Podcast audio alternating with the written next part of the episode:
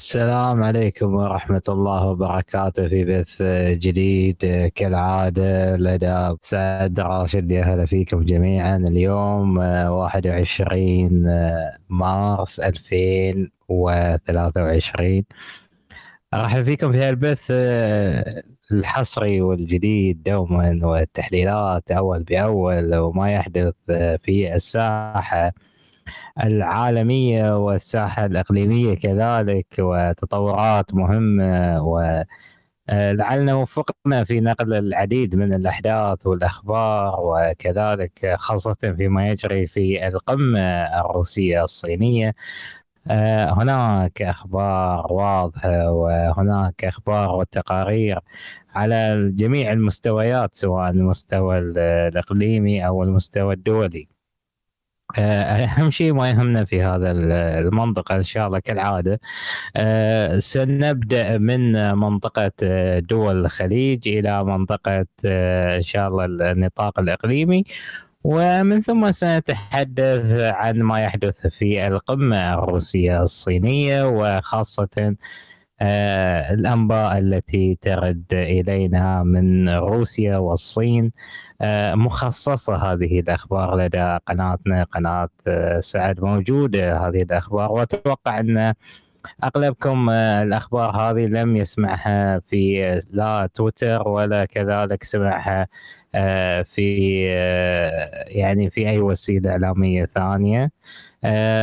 طبعا بالأحرى نبتدئ اولا بأخبار الاتفاق السعودي الإيراني الذي كان لديه تبعات ولديه كذلك أطروحات جديده يتم طرحها بشكل يومي خاصة في الفترة الماضية. ماذا ماذا ينتظر المنطقة بعد هذا الاتفاق حاليا؟ هذا السؤال يتم طرحه بشدة. وهل إيران مستعدة للوفاء أو للوفاء بعهودها؟ وخاصة في الاتفاق السعودي الإيراني والذي تضمن تعهدات واضحة خاصة في المجال الأمني. آه ذهبت أكثر التقارير اللي طلعت عليها الصحفية والإعلامية وكذلك عبر وسائل التواصل الاجتماعي وعبر المدونات وغيرها.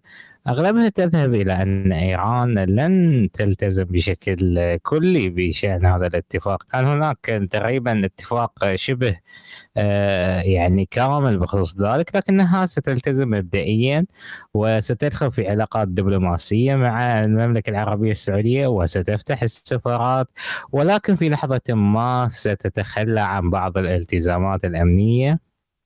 المتعلقة بفتح السفارات هذا اتجاه. الاتجاه الآخر ماذا يقول؟ الاتجاه الآخر يذهب إلى أن إيران لن تتخلى عن القوة النووية الخاصة فيها وبالتالي هي تتلاعب بالوقت وهي تكسب الوقت من خلال المفاوضات مع السعودية وبالتالي هي تؤجل عملية الضربة العسكرية على إيران وبالتالي هي مكسب للوقت لها وبالتالي سيكون لديها القدرة على إنتاج سلاح نووي في ظل ما في ظل التحركات الأخيرة التي تذهب لها إيران. ف... فهذه أبرز يعني هذه التقارير اللي طلعت عليها اليوم بشكل كامل وملخصها هو أن قد نشهد تحركات في الستين يوم القادمة تحركات إيجابية من الناحية الإيرانية ومن ناحية كذلك المملكة العربية السعودية ولكنها لن لن تستمر كثيرا. هذا هو الاتفاق. النقطة الثانية وكذلك الأساسية هي هل إيران مستعدة كذلك للدخول في التزامات أمنية من الناحية خاصة من ناحية لبنان؟ هناك أنباء خاصة وردت إلينا بأن سيكون للمملكة العربية السعودية دور كبير في لبنان الفترة القادمة.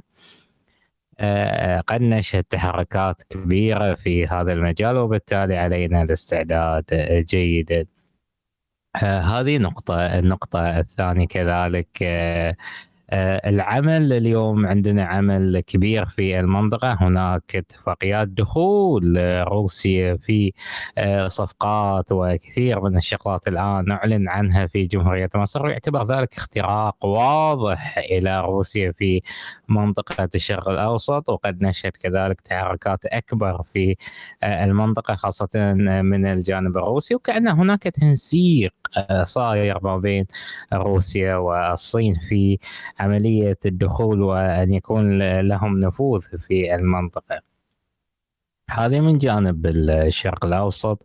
آه، من جانب آخر كذلك نتحدث عن القمة الروسية الصينية.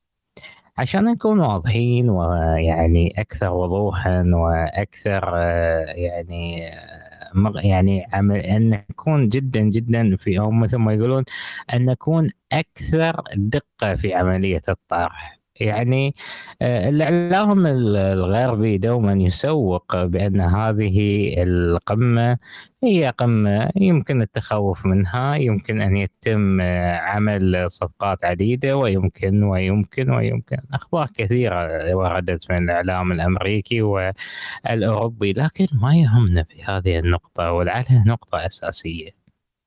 هل هل جرى في الاتفاق تعاون عسكري صيني روسي؟ هذه نقطة جدا مهمة جدا مهمة في هذا الاتفاق. اطلعت على كثير من الأخبار أغلب الأخبار الموجودة لدى الصحف الروسية والصينية. جميعها تتحدث عن تعاون اقتصادي تعاون على مستويات عديدة.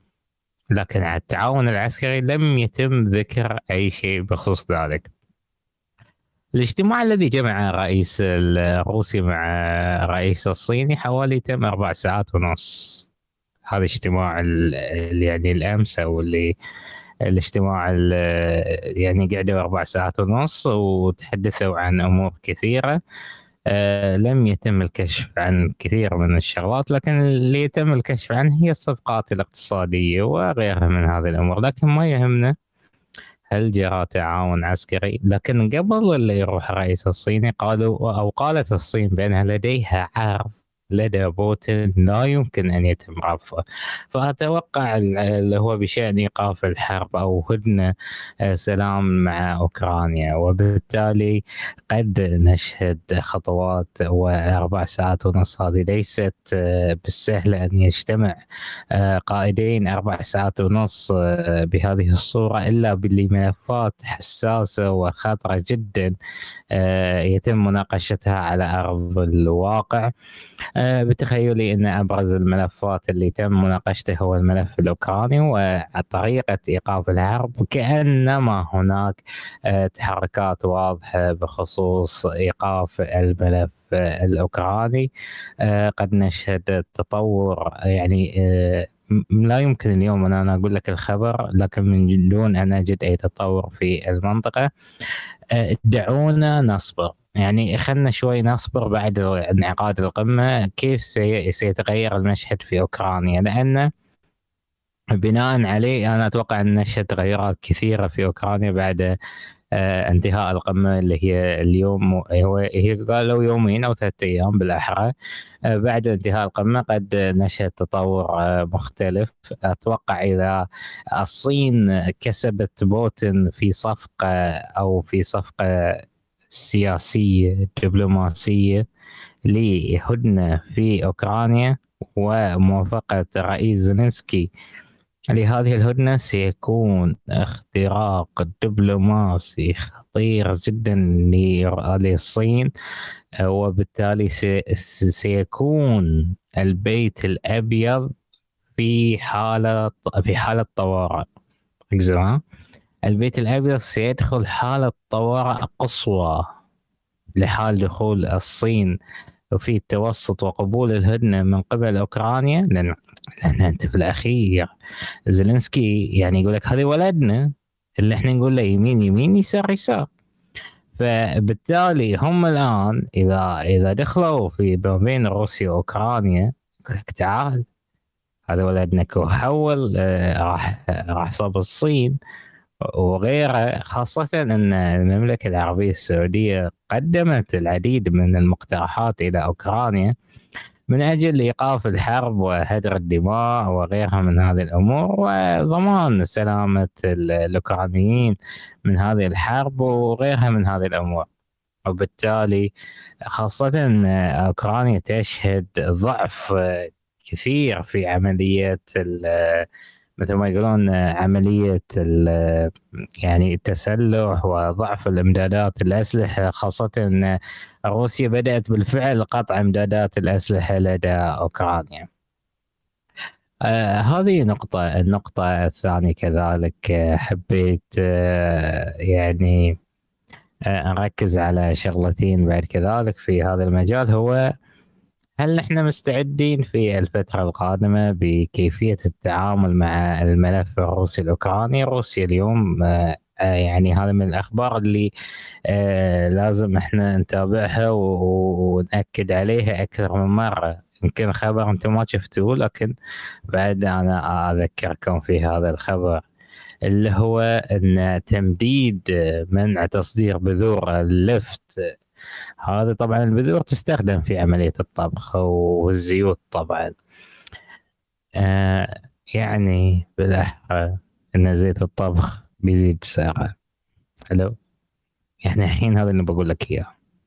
يعني زيوت الطبخ بتزيد أسعارها بسبب آه، قلة آه، وجود آه، بذور اللفت اللي يستخلص منها الزيوت النباتية وحسب حسب الدراسات الحديثة بأن هذه هذه النوعية من الزيوت هي زيوت أكثر صحية من الزيوت الحيوانية وتستخدم في أوروبا كثيرا للطبخ وكثير من الأمور فبالتالي بيصير شورت كبير في عملية آه، في عملية تصنيع الزيوت وبالتالي آه، بيكون الطلب أكثر على زيت الصويا وزيت عباد الشمس وغيرها من الزيوت. فبيتم استبدالها بزيوت أخرى فبيزيد الطلب على بعض الزيوت وبالتالي سترتفع الأسعار في الفترة القادمة. آه كذلك من النقاط المهمة آه يعني هناك خبر لا زال الإعلام الغربي لم يطلع عليه هو تحطم طائرة مسيرة في موسكو كانت تستهدف خط كهرباء أساسي لمدينة شتسكولوكفو. ف فهذه من الأخبار اللي يجب أن نركز عليها. كذلك اليوم طرحنا خبر مهم جدا وهي تركيا. تركيا طبعا الآن في خطة وخطه واضحة بخصوص تركيا. يريدون تركيا أن تكون منصة للغاز الطبيعي في آه من قبل روسيا. يريدون أن تكون هذه هي منصة يتم آه فيها جمع الغاز الطبيعي وإرساله إلى أوروبا. هناك تحركات فعلية آه، يعني تعتزم تصدير حوالي 40 مليار متر مكعب آه، من الغاز آه، سنويا. كذلك من الأخبار اللي تخص تركيا اللي قلتها وبس أبي لها شوي يعني مثل ما يقولون تحليل هو منع بعض منع منع اللي هو منع عبور السلع الخاضعة للعقوبات الغربية على روسيا. آه، طبعا آه، أنتم كما تعلمون إن الاتحاد الأوروبي هذه طبعا الخطوة اللي قامت فيها آه، تركيا. للأمانة عشان أكون لكم صريح يعني ما تلا الاتحاد الأوروبي أقر لها مليار دولار من أجل مساعدات بخصوص بخصوص الزلازل. آه، فطبعا هذه هذه المساعدات آه، طبعا بيكون لها أثر كبير في المنطقة آه، بيكون لها شيء مهم فبالتالي سيكون نترقب يعني يعني تركيا اتخذت القرار بناء على قرار الاتحاد واضح يعني أنا قال لك مليار. تتوقف البضائع عن روسيا؟ حلو الكلام. مصلحة. مصلحة. واضح. فمثل ما قلت لكم الدول تقاس والعلاقات تقاس. مو برفيجي مو بعلاقات اجتماعية هذه. الدول تقاس بالمصالح المشتركة. فمن هذه من الأخبار المهمة جدا وكذلك تمدد الشركات الروسية في آسيا ومثل ما قلت لكم الآن أكثر من 50% آه، من الشركات أو محول ال 50% من الشركات الروسية تعمل في الصين 41 آه، أو آه، آسف منها كذلك من تعمل في الإمارات وتعمل في تركيا. واضح إن الاتجاه إن الاتجاه الروسي الروسي ستذهب يعني الاقتصاد الروسي متجه إلى التوسع في آسيا. هذه نقطة. النقطة الثانية ماذا يحدث في فرنسا؟ نقطة جدا مهمة. طبعا أنتم تدرون آه، فرنسا من الشعوب اللي أقل شيء تطلع تظاهرات هاي يعني شيء متعارف عليه في فرنسا. ركزوا معي أي شيء أكل ما عجبهم طلعوا لك مظاهرات. آه، باستا ما عجبتهم ظهروا لك مظاهرات. اي هم كذي. يعني الشعب بهالصورة تفكيره عقليته هو بهالصورة بس شو اللي تطور الآن الوضع؟ اللي طور الوضع هو شنو؟ هو تعنت الحكومة في المعاشات التقاعدية تعنتها بشكل كبير ما في أي تفاوضات ما فتحوا المجال للحوار وبالتالي صار لي خلاص وصل الفرنسيين وصلوا إلى أمورهم وبالتالي هم يطالبون بإقالة الحكومة وإقالة ماكرون وتقريبا إحنا قد نشهد ثورة فرنسية جديدة. سقوط فرنسا ركزوا على هذه الكلمة. سقوط فرنسا تعني سقوط حول فرنسا يعني سقوط ألمانيا سقوط بريطانيا. أنا أنا مسؤول عن كلامي. سقوط فرنسا في هذا التوقيت هو سيج... سي يعني سينعكس على سقوط آه ألمانيا وسقوط حكومات يعني حكومات أوروبية سيتبعها. لأن لأن سقوط فرنسا هو عبارة عن ماذا؟ سلسلة. أوكي؟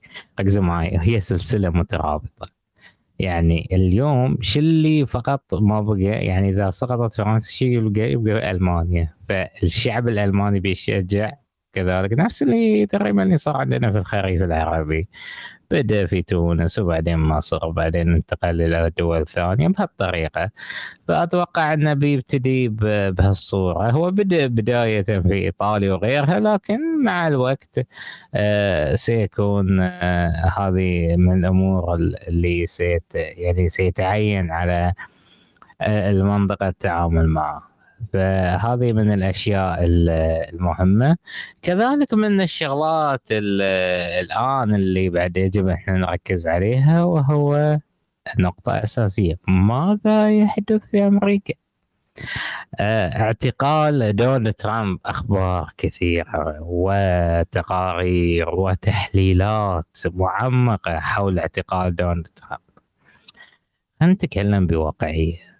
هل اعتقال دونالد ترامب مهم لهالدرجه؟ يعني في المقالات شو تقول لك؟ تقول لك الدولة العميقة في أمريكا تريد اعتقال دونالد ترامب، حلو؟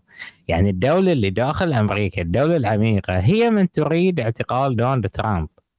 وليس ال يعني ال مثل ما يقولون اللي هو اللي يتحدثون عنها الإدارة الأمريكية أو غيرها من ذلك، لا الدولة العميقة في أمريكا تريد اعتقال دونالد ترامب. ومن أجل ماذا؟ من أجل من أجل عدم ترشحه للانتخابات القادمة 2024 ليش طال عمرك؟ أنا بس بوصل لك الفكرة الأساسية يقول لك الدولة العميقة بالنسبة لهم دونالد ترامب يمثل لهم تهديد زين ركز على الكلام ويقول لك هم يريدون تعطيل هذا الشخص من أجل عدم الدخول في آه، في أمريكا وغيرها من ذلك. آه، حسب الاستطلاعات الرأي يقول لك دونالد ترامب حظوظه جدا قوية جدا قوية في الانتخابات الرئاسية القادمة هم الآن يريدون إيقاف لأن خلاص واضح أن الشعب الأمريكي سيتجه إلى دونالد ترامب وهذا شيء جدا مسبب لهم آه، ربكة نوعا ما من الجانب الآخر يرى بعض المحللين إن التحركات الأمريكية الحالية في حال إن قاموا اعتقلوا دونالد ترامب سيتجه إلى اتجاهين، الاتجاه الأول بأن أنصار الحزب الجمهوري وهم أنصار لديهم من الأسلحة والذخائر و و و سيواجهون آه، قوات الأمن الأمريكي وستدخل أمريكا في صراع قوي. جدا جدا جدا جدا الفترة القادمة وقد تدخل في متظاهرات خاصة في مدي أو ولاية فلوريدا. فالعملية الآن في أمريكا جدا مرعبة. الجميع ينتظر يوم غد. الجميع يوم الثلاثاء يا جماعة. انتظار يعني اللي هو اليوم بالأحرى. الجميع ينتظر هذا اليوم. ماذا سيحدث في أمريكا؟ هل سيتم إلقاء القبض على دونالد ترامب في أمريكا؟ وبالتالي ستدخل أمريكا مرحلة جديدة في الصراع. آه، لعل أنا بوجهه نظري التفكير الأمريكي يعني مميت خاصة في ظل انهيار البنوك الأمريكية. وعشان الناس ما تلتفت للمصيبة والانهيار الاقتصادي قد يحدث ذلك. قد. يعني تضع نسبة 50% قد يحدث 50% لا ما بيحدث التفكير الأمني أتوقع الأمريكي إذا كان هناك تفكير أمني بحت أمريكا لن تقوم بهذه الخطوة أو ان وزارة العدل الأمريكية لن تقوم بهذه الخطوة. آه، لكن في حال إن ارادت اللعب على هذا الوتر سيكون جدا خطر وبالتالي ستدخل أمريكا نفق مظلم جديد جدا جدا جدا آه، خاصة بعد الفشل في السياسات الخارجية والعديد من الخطوات. آه هذا بتصوري ماذا سيحدث في أمريكا لكن انعكاس آه القبض على دونالد ترامب من آه ما حد ناقش شنو انعكاسه على المستوى الدولي. أتوقع أن انعكاسه بيكون جدا سيء على المستوى الدولي. ستنهار أمريكا آه من القوة الداخلية. الآن اللعب ليس بالقواعد العسكرية أو القوة العسكرية. الآن اللعب لعب دبلوماسي سياسي بعيد اليوم عن القوة العسكرية اليوم القوة العسكرية الأمريكية رغم آه، وضعها ميزانيات ضخمة لكن لو نجد مقارنة بالتصنيع الصيني كمثال لا الصين تقدمت جدا في عملية التصنيع العسكري وتقدمت في هذا المجال وبالتالي هناك آه، مخ يعني رؤية واضحة بأن لا يا جماعة الوضع الآن يحتاج إلى تأني في القبض على دونالد ترامب. فعملية القبض على دونالد ترامب قد يتم آه، العمل على أنها تكون فقط آه، مجرد شوشرة إعلامية. أو قد تكون فعلا هناك عملية قبض على دونالد ترامب وستكون هناك ستدخل أمريكا مرحلة جديدة من الفوضى تبدأ تبدأ في فلوريدا. الجمهوريين آه، لديهم آه، يعني لديهم نوع من آه، الكبرياء لديهم نوع من استخدام القوة في في الاحتجاجات على عكس من الديمقراطيين. في في الجمهوريين عندهم هذه يعني هذه النبرة وعندهم كذلك لانست كذلك إن الجمهوريين هم أكثر الأحزاب أو الحزب الجمهوري هو من يدعم اللي هو تسليح أو إنه يكون لدى جميع الأفراد المجتمع الأمريكي أن يحمل سلاح.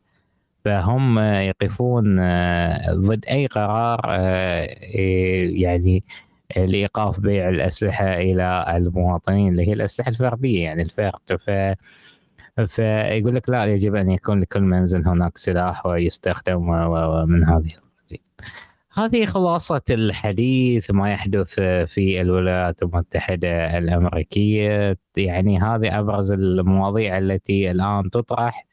آه، أستقبل استفساراتكم في أحد عنده استفسار أو مداخلة حياكم الله. بس إذا أحد عنده استفسار ولا شيء.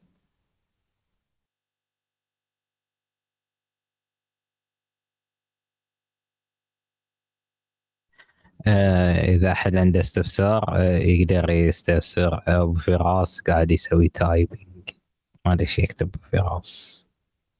الله يستر. سعد هادي حيا الله سعد. حيا الله سمي. تفضل يا سعد هادي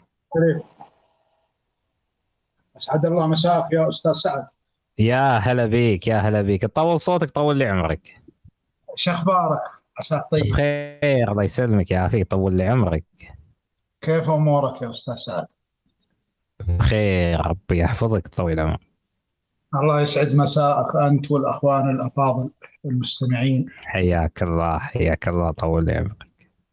الله يسلمك. الحقيقة طرحك شيق وبثك ممتاز.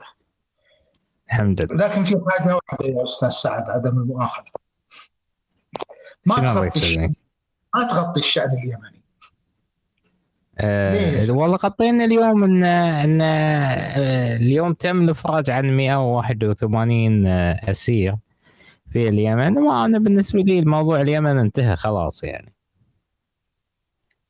الآن في مشاكل الآن مع مشاكل الجنوب جنوب اليمن.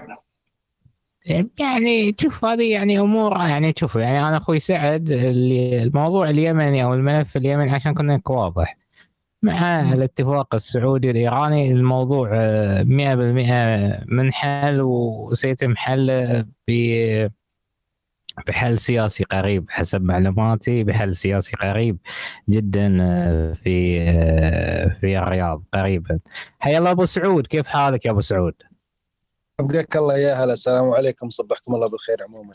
صبحك. الله بالنور يا أبو سعود كيف أمورك؟ عساك بخير. أبشرك رضا من رب العالمين والله الحمد لله عسى أخبارنا توصلك يا أبو سعود. والله الحمد لله أنا متابعك ترى على فكرة حتى في البودكاست أنا استمعت لكذا حلقة ومتابعك هنا يا أبو راشد. عزيز وغالي طال عمرك. إيش رأيك في تحليلي عسى بس يرتقي إلى مستوى زين يعني. لا ما شاء الله تبارك الرحمن. أبو راشد الحق يقال يعني وجهة. نظرك وعين فاحصة ووجهة نظر عميقة حقيقة الأمر وهذا ما يميزك صراحة ويميز مجموعة من الزملاء اللي أعرفها بكل بكل واقع حقيقة. حبيبي أبو سعود إذا كذي لازم أنا أستغلك الآن. تفضل الله يحفظك تفضل. هذا عندي كم سؤال قوي. تفضل اللي اللي أقدر تجاوب عليه بجاوبك عليه. لا لا بجاوب عليه الله يسلمك. عندي معلومة أبو سعود إذا أنت يعني أبيك يعني شوي آه، يعني يعني تعطينا تفاصيلها. عندي معلومة أبو سعود تقول بأن هناك تحرك سعودي إلى تغيير منظومات عسكرية آه، بمساعدة دولة عربية.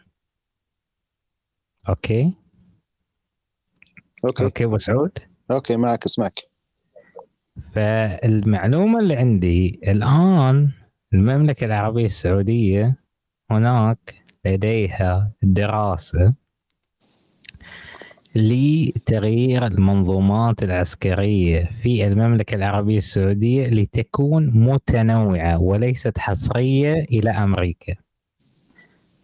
ما مدى ما مدى جدوى هذه هذا الموضوع في المملكة العربية السعودية لأن في التجربة المصرية في هذا المجال اللي هي التنوع ال- آه، التنوع العسكري في التصنيع العسكري أو في الأسلحة العسكرية مصر عندها طبعا أسلحة روسية وأوروبية وأمريكية وأنت تعلم هالشيء أبو سعود يمكن صحيح ولا غلطان؟ لا صحيح مصر هي المعروف آه، تنوع إيه،. فهل فهل يمكن تطبيق النموذج المصري في المملكة العربية السعودية الأيام القادمة؟ طيب إجابتي على سؤالك أول شيء امسي بالخير واصبح بالخير على ال- الإخوان الم- المتواجدين وعليك أبو. راشد آه، شوف ال- ال- النموذج المصري نموذج آه، مختلف جدا ابعد الحدود لا يمكن تطبيقه في أي دولة آه، لسبب آه، أو لسببين رئيسيين، السبب الأول أن التسليح المصري هو تسليح شرقي روسي وليس أمريكي. التسليح الأساسي المصري. هذا يعود للسبعينات والستينات القرن الماضي. السبب الثاني أن ما تحصل عليه مصر من أسلحة غربية وبالأخص تحدث عن الولايات المتحدة الأمريكية هو من المساعدات العسكرية التي وضعت في اتفاقية كام ديفيد فالوضع المصري يختلف جدا عن الوضع الخليجي عموما وليس فقط السعودية إن فيما يخص هذا الوضع المصري فيما يخص المملكه العربيه السعودية آه، الآن في مشروع تطوير رؤيه 2030 آه، لجميع قطاعات الدولة يعني ليس فقط آه، تجارة نتكلم تجارة نتكلم اقتصاد نتكلم سياحة نتكلم جميع قطاعات بما فيها الدفاعية. في فرق بين تغيير التسليح وتنويع التسليح. تغيير التسليح أنا وجهة نظري الشخصية أنا لا أتوقع يعني آه، ال- الأسلحة دائما وهذه نقطة مهمة جدا دائما آه، تشترى ليس لدرء التهديد بل للمحافظة على المصالح. يعني أني أتسلح من أجل تهديد معين هذا يعتبر خطأ لأنه قد ينشأ تهديد آخر فأحتاج إلى تسليح آخر. ولكن دائما التسليح ومنظومة القوات المسلحة في أي دولة تبنى على المصالح وحماية المصالح ضد أي تهديدات. المصالح لا ليست فقط وجود الدولة وجود الدولة هي المصلحة العليا ولكن مصالح أخرى قد تكون خارج حدود الدولة بعض هذه المصالح. ولكن تنويع التسليح أنا أقول لك نعم ولكن تغيير التسليح أنا لا أتوقع لأن نتكلم عن منظومات ال F 15 الحديثة الموجودة في السعودية يعني أكثر من تقريبا حسب ويكيبيديا و Global Firepower وغيرها ومن مواقع الأمنية تتبع الصفقات الدفاعية تحدث أكثر من يمكن من 200 طائرة 270 طائرة F 15 أنا لا أتوقع أن تستغني عنها المملكة العربية السعودية فقط من أجل وجود خلاف مع الولايات المتحدة الأمريكية والإدارة الحالية للولايات المتحدة الأمريكية. لأنها تعتبر اليد الطولى بعد توفيق الله عز وجل في حماية المصالح السعودية. أه، تحدث عن التورنيدو، تحدث عن التايفون الحديثة اللي تعتبر أول دولة دخلت فيها طائرات التايفون الحديثة في مجال العمليات العسكرية الواقعية هي المملكة العربية السعودية وحنا لاحظنا صور لبعض الطائرات في التمرين في بريطانيا طارت ما يقارب 100 ألف ساعة إذا ما كنت مخطئ يعني يعني طيرانها كان كثيف جدا آه، مورس فيها جميع أنواع العمليات سواء الاعتراضية جو جو أو استهداف أهداف أرضية. لذلك آه، لن يتم تغييره ولكن عندما نتحدث عن تنويع التسليح أنا أقول لك نعم تنويع التسليح جميع الدول الآن بدأت إلى تنويع التسليح لعدة أسباب. آه، أهم سبب إن دائما يقولون الحليف الأمريكي حقيقة هو الشريك الاستراتيجي الأمريكي. لا يوجد دولة هي حليف الولايات المتحدة الأمريكية لأن الحليف يرتقي إلى نقاط كثيرة من ضمنها الأولية في التسليح وتصنيع بعض آه، الدخول في تصنيع في برامج تصنيع بعض الأسلحة. آه، يكون مستوى يسمونه ال security clearance لبعض القطع العسكرية يكون عالي جدا للحليف. أما الشريك فيختلف جدا. آه، دول المنطقة هي شركاء الولايات المتحدة الأمريكية. العقود العسكرية الأمريكية دائما لن أقول ظالمة أو جائرة لا. لكن دائما دقيقة ودائما المحاذير الأمنية قوية جدا لبعد الحدود. ولاحظ ذلك في اليابان الذي يعتبر حليف استراتيجي للولايات المتحدة الأمريكية. ألغى فكرة الدخول في تصنيع طائرات الجيل السادس مع الولايات المتحدة الأمريكية وذهب إلى بريطانيا وكندا ومجموعة من الدول أو أسف بريطانيا وإيطاليا ومجموعة من الدول الأوروبية. بسبب المحاذير الأمنية للولايات المتحدة الأمريكية عندها محاذير أمنية كبيرة جدا عند الدخول في التصنيع أو عند بيع الأسلحة. يعني تلقاهم على زي ما يقولون على ال zero على الرقم يوقفون. فما بالك في تصريح للتصنيع. أه، أه، تسمح ولكن سم سم تفضل تفضل.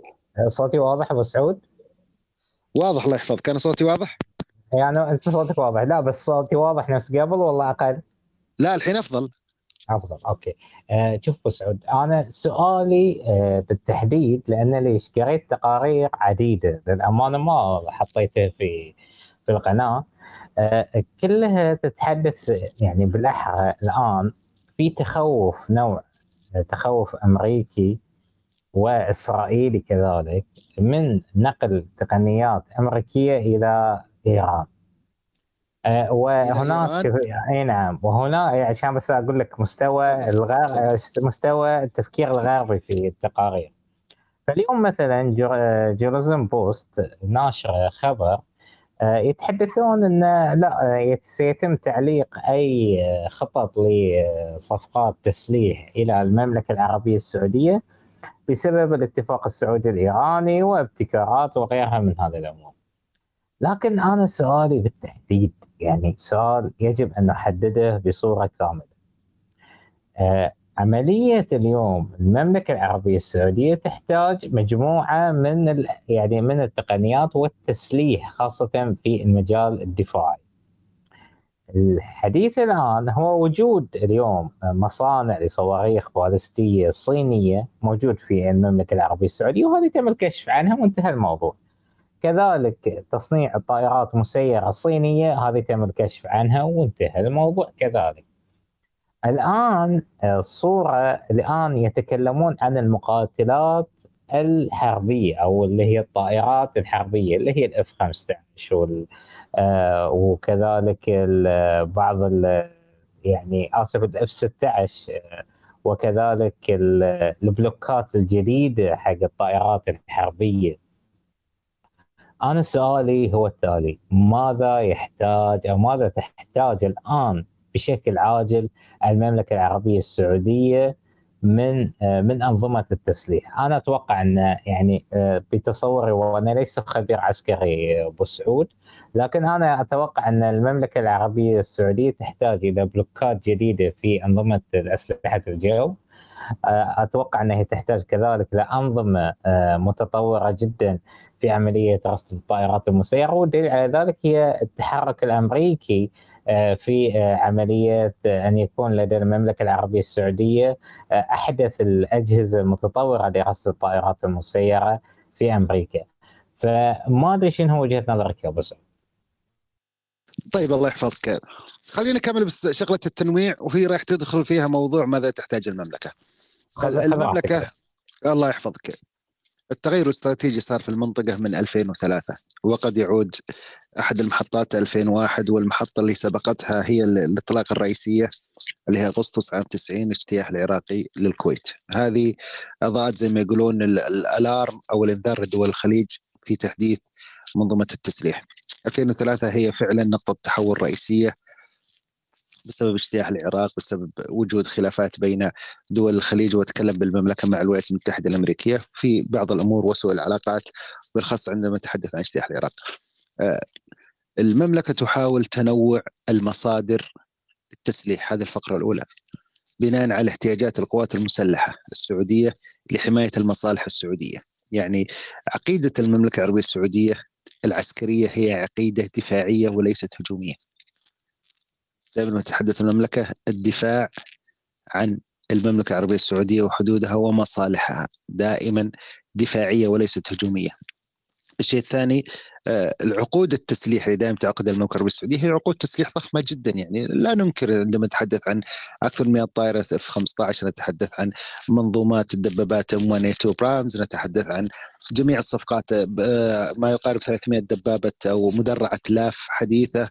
عربات الأوشكوش المدرعة تحدث عن مجموعة ضخمة من التسليح لذلك دائما الصفقات تكون ضخمة جدا.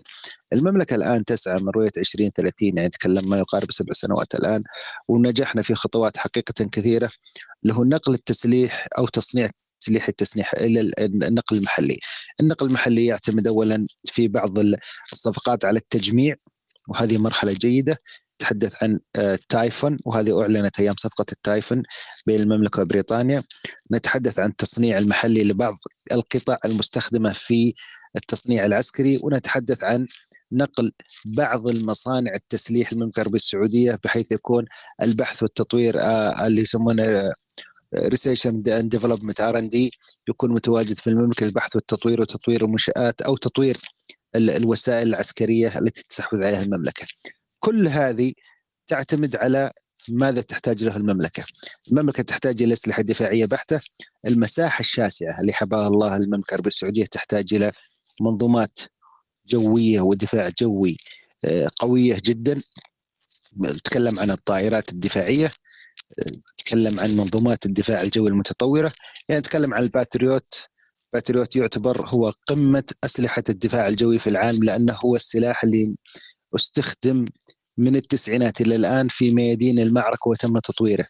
نتكلم عن منظومات أخرى نتكلم عن Silent Hunter اللي هو الليزر آه، اللي هو منظومة الصينية ضد الطائرات بين الطيار. نتكلم عن أنواع كثيرة من الرادارات اللي تستخدم. نتكلم عن التصنيع الجديد للطائرات بين الطيار. يعني المنظومات اللي بنتها المملكة هي آه، بصراحة آه، وليس ولا فيها تحفظ هي ليس فقط لحماية المملكة العربية السعودية ومصالحها هي منظومة متكاملة مع دول مجلس التعاون الخليجي العربي. يعني التسليح دائما يكون فيه توافق بين دول مجلس التعاون الخليجي العربي. يتكلم عن طائرات نتحدث مثلا عن طائرة F 15 تحدث السعودية وقطر تحدث عن التايفون تحدث عن الكويت والسعودية. أتوقع البحرين قريبا تمتلك آه، التايفون اذا ماني مخطي آه، العمانيين الآن امتلكت ال F 16 block 71 block 71 71 و 72 صحيح من أحدث الطائرتين نعم هذه وقعتها وقريبا راح توصل. تحدث ال F 16 تحدث. اي نعم ال F 16 استلمت آخر block موجود. أحدث block, block 70 block 71 و block 72 من ال F 16 يعني في تكامل خليجي كلها نظرة ليس لدولة واحدة لمجموعة من الدول.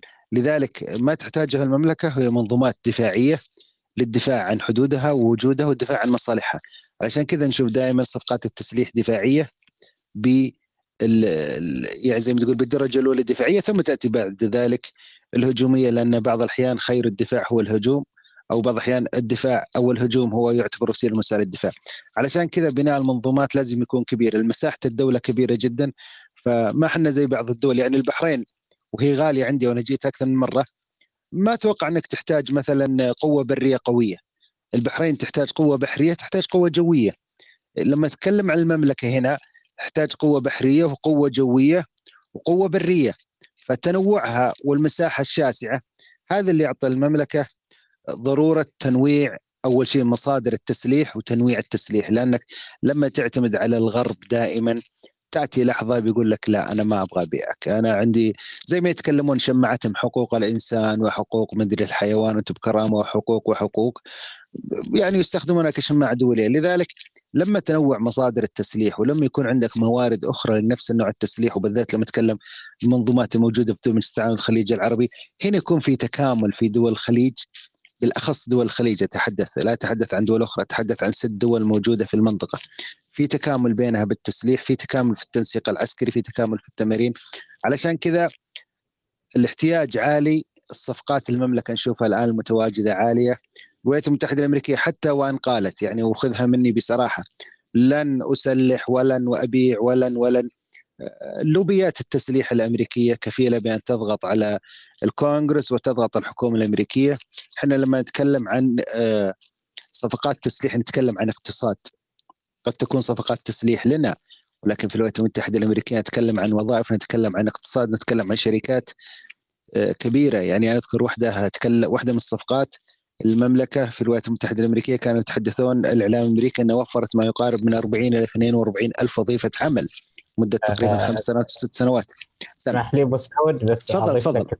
أضيف لك معلومة فقط بشكل مختصر. آه السعودية توفر الآن في الولايات المتحدة الأمريكية أربعة مليون وظيفة يعني عدد الأمريكيين الآن الذين يعملون لطلبات المملكة العربية السعودية سواء أسلحة أو غيرها من الطلبات التجارية والاقتصادية أربعة مليون وظيفة. آه، فما بالك أبو راشد بالصفقة زاد فضلك فما بالك بالصفقات الكويتية والبحرينية؟ والقطرية والإماراتية والعمانية. يعني نتكلم ما يقارب 10 مليون وظيفة. يعني العدد هذا لما نتكلم عن الخليج نتكلم هذه قوة ضاغطة في الداخل الأمريكي. هي الموضوع ما هو موضوع زي ما تصوره بعض الناس إنه بضاعة أشتريها منك وأمشي. لا نتكلم إني لما أشتري منك البضاعة هذه أنت تصنعها معناها الدائرة الاقتصادية عندك داخل الدولة تدور. معناها عجلة التصنيع تمشي. معناه مشتروات رواتب. معناها دائرة اقتصادية متكاملة أنا احدثها بسبب عقد واحد. يعني إحنا شفنا لهفه الأوروبيين لدول مجلس التعاون الخليجي العربي في الطائرات. يعني زي طائرة ال M 400 طائرة نقل عملياتية. M 4 M 400 اي هذه بنتها آه، بنتها شركة ايرباص حاولت التسويق على دول الخليج كاملة ولكن ما حد اقتنع فيها. إلى هذه اللحظة ما أنا مخطي ما حد اشتراها إلى الآن. نتكلم عن C 17 موجودة في قطر وموجودة في الكويت نتكلم عن أسطول متكامل من طائرة سي 130 سواء في السعودية ودول الخليج. نتكلم عن طائرات النقل آه، الأخرى قد تكون أصغر حجم موجودة. علشان كذا هي الموضوع دائما اقتصاد. فالولايات المتحدة الأمريكية بعض الأحيان حتى لو آه، تعندت في الموضوع أو تعنتت زي ما يقولون وقالت لن أقوم ولن أفعل ولن ولن نجد أنها في النهاية بتمشي الأمور. يعني أغلب صفقات دول المنطقة الكثير يتوقعها إن أيام ترامب ولكن الواقع جميع صفقات دول الخليج وليس المملكة فقط كانت أيام الرئيس أوباما اللي كان فعلا يحاربنا. آه، في المذهب السياسي كان يساندنا في المذهب العسكري. يعني أغلب الصفقات كانت أيام واللي يرجع للتاريخ يجدها إنها أيام أوباما. ترامب ونذكر اللوحه الشهيرة اللي حطها في زيارة الأمير محمد الله يحفظه سمو ولي العهد البيت الأبيض وقال اشتروا اسلحه فقال الأمير محمد we pay for يعني هي ليست مساعدات. هي مواد مشتراه من الولايات المتحدة الامريكيه وقال الأمير محمد إحنا وفرنا لك وظائف دفعنا قيمتها ووظفنا وفرنا وظائف. يعني إذا كان الرئيس الأمريكي يعرض صور الأسلحة شرتها إحدى الدول الموجودة في المنطقة هذه تعني كثير في الداخل الأمريكي. لذلك أمريكا حتى وإن الآن يتحدثون بعض المصادر انه في الكونغرس إنه يتحدثون عن موضوع حقوق الإنسان ضد المملكة وحقوق العالم شبع من هذه الترهات أنا آسف لهذه الكلمة. العالم شبع من استغباء الدول اللي تقوم فيها الولايات المتحدة الأمريكية والغرب. يعني أكبر دليل ما حدث في بين روسيا وأوكرانيا ما تقوم فيها الصين الآن تحاول أنها تكون وسيط سلام وأمريكا ترفض إن الصين تدخل وسيط سلام. هذا يعني أن رغبة أمريكا الآن هي بصراحة هي أنا أقدر أقول انها توجه المنطقة وبالذات تتكلم عن الاورواسيويه إلى حرب عالمية ثالثة. آه، ترغب الولايات المتحدة الامريكيه تدفع جميع حلفائها وشركائها الاستراتيجيين بعيدا عنها. اليابان اللي كانت حليف لأمريكا وهي فعلا حليف وفيه معاهدة وقع عليها في البيت الأبيض الأمريكي أو في آسف في الكونغرس الأمريكي بأن اليابان حليف وأنهم مسؤولين عن حمايتها. وصلت المرحلة في أحد تصريحات رئيس الوزراء الياباني قبل زيارته للبيت الأبيض وقضاء ما يقارب ثلاثة وأربع أيام ذكرها صراحة قال لن نعطي الولايات المتحدة الأمريكية شيك على بياض حمايتنا. وهو حلف يعتبر قوي جدا لأنهم فعلا استشعروا ان الولايات المتحدة الأمريكية لم تعد هي الولايات المتحدة الأمريكية في السنوات السابقة. أصبحت توجهاتها بكل صراحة توجهات بشعة أصبحت تحاول استغلال دول العالم أصبحت مجنونة فيما يعرف النظام العالمي الجديد. لا ترغب في نظام عالمي جديد ولكن ما فرض الآن هو نظام عالمي جديد صيني صيني روسي. لذلك هي تحاول الدفع بالدول الأوروبية ليس الناتو ولكن الدول الأوروبية اتجاه روسيا لإشعال النار. تحاول دفع شركائها الاستراتيجيين نتكلم في المنطقة إلى الاتجاه الشرقي إلى روسيا وإلى الصين. دفعت كثير من حلفائها في جنوب شرق آسيا إلى التكهنات بأن الولايات المتحدة الأمريكية لم تعد الشريك أو الحليف الموثوق فيه ليس بناء على رغباتنا ولكن بناء على ما تقوم فيه الولايات المتحدة الأمريكية الآن من عمل هستيري حقيقة لدفع العالم إلى حرب عالميه ثالثه من اتضح فيها أنها دائما ترغب بأن مصالحها هي التي تمضي قدما. يعني تحدث لو رجعت للمنطقة هذه وأنا أعتذر عن الاطاله أبو راشد. طويل عمر يعني بس فضل. عشان ما أقاطع طويل عمر سياسيا لا لا تفضل لا وهذه معروف في العرف السياسي. لم يكن لديك عدو عدو فاللي تصنع عدوا يعني. فأمريكا دوما تحب إن هي تصنع الاعداء وتصنع إن يكون لها عدو في في العالم. وهي دوما تضع هذا الخيارات في سياسات حتى الداخلية يعني. ان يجب أن يكون لدى أمريكا عدو وتقوم بالعمل عليه و... وطبعا هذا هو الغرض منه غرض آه، أموال واقتصاد وهيمنة و... وغيرها من هذه آه، الأمور. لكن السؤال يعني اللي دوما آه، يعني خلنا بشكل واقعي. يعني أنا أرى يعني بعد إذنك ابو سعود أنا أرى أن أمريكا فشلت في آه، خلق حرب عالمية ثالثة وهي الآن تريد خلق آه، حرب أهلية داخل آه، أمريكا وفترة من الفترات سيتم احتواء هذا الأمر بشكل أو بآخر. هذه أنا أتوقع أن هذه الرؤية المستقبلية أبو سعود، ما أدري أنت كيف تشوف الأمر. الله يحفظك في الشأن الداخلي الأمريكي الأشوام يقولون فخار يكسر بعضه. بكل صراحة. يعني الشأن الداخلي الأمريكي لا يعنينا لا من قريب ولا من بعيد. هو شأن داخلي أمريكي ليس شأننا. ولكن لما تتحدث عن السياسة الخارجية الأمريكية هنا يختلف الوضع. المجلس الشيوخ اللي بعض الناس يقولون إن شاء الله يفوز الديمقراطي ولا يفوز الجمهوري ولا يفوز كلهم عندما تأتي السياسة الخارجية كلهم متحدين. أكبر دليل أنه من أيام أوباما استراتيجية الولايات المتحدة الأمريكية اللي هي US national strategy pivoting to Asia اللي التمحور أو التموضع أو التوجه إلى جنوب شرق آسيا إلى آسيا.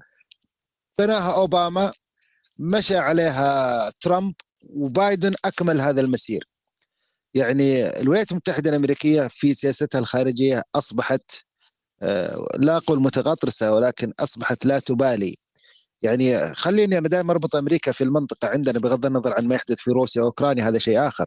ولكن لما اتحدث عن المنطقة عندنا.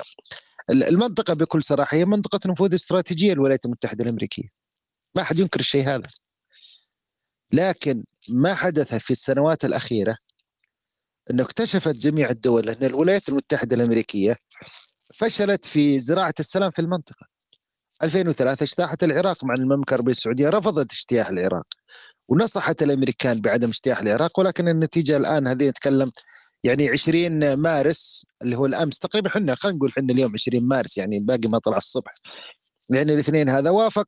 20 سنة على 20 مارس آه، عام 2003 إيش الاستفادة المنطقة خلال 20 سنة من ما قامت به الولايات المتحدة الأمريكية في العراق؟ كلها أضرار كلها كوارث لا يوجد لا يوجد مصالح. لحلفاء وشركاء الولايات المتحدة الأمريكية في هذه المنطقة. لو جينا إن أمريكا كانت دائما هي من تعقد قمم السلام، هي من تجمع الفرقاء في المنطقة، تحاول عقد آه، قمم سلام، مبادرات سلام، ولكن الشأن الإيراني السعودي والمشكلة اللي صارت طبعا السعودية هي ليست لوحدها أتكلم عن البحرين أتكلم عن المجموعة من الدول المنطقة لكن آه، الشأن هذا الولايات المتحدة الأمريكية بالعكس كانت تدفع إلى تأجيج المنطقة إلى حرب قادمة. ولكن دخول الصين هو من أبطل خطط الولايات المتحدة الأمريكية في هذه المنطقة. يعني شوف التفارق يعني الصين اللي كنا نعتبرها شيوعية نعتبرها شيطان أكبر خلينا نقولها يعني زي ما يقولون الأمريكان. أه، وجدنا أنها ولو أنها رغبة في تحقيق مصالحها وليس حبا فينا وفي الإيرانيين ولكن وجدناها في هذه المرحلة وفي هذا العام بالتحديد هي من من يمد غصن الزيتون لجميع الدول. حاولت في فبراير الوساطة. الآن الرئيس الصيني تشينغ بينغ موجود في موسكو لثلاث أيام. من ضمن النقاط الرئيسية اللي سواء كتبها في المقال حقه اللي في الصحيفة الروسية أو من خلال النقاط اللي تحدث فيها أثناء اجتماعهم اللي استمر أكثر من ثلاث ساعات. في الاجتماع المفتوح تحدث بأن قادمون للسلام يعني من أبرز النقاط التي تسعى لها روسيا هي عملية السلام الروسية الأوكرانية، لكن الولايات المتحدة الأمريكية في الاتجاه الآخر ليست راضية عن عملية السلام الصينية في أوكرانيا وعلى مضض يعني كيربي عندما تحدث أو أو المتحدث كيربي. خلينا نروح للبلينكن وزير الخارجية عندما تحدث هو موجود في آه، إثيوبيا أنه يرحب وأنه وأنه ولكن نتكلم الولايات المتحدة الأمريكية على مضض. لن تسمح ستحاول بكسر هذا الاتفاق لأنها دائما ما ترغب من الدول وهذه كانت السياسة الأمريكية الأخيرة دائما ترغب من الدول الشريكة لها استراتيجيا بأن تعمل بحرية ولكن لا تعمل لمصلحة الدولة بذاتها ولا تعارض الاستراتيجية الأمريكية، يعني إذا كنت أنا دولة من الدول X أو Y في المنطقة أشاهد أن استراتيجية الولايات المتحدة الأمريكية كحليف أو شريك استراتيجي لي يعارض مصالحي الوطنية بالعكس ويدف المنطقة إلى تصعيد آخر. الولايات المتحدة الأمريكية ترغب من الدول الصمود.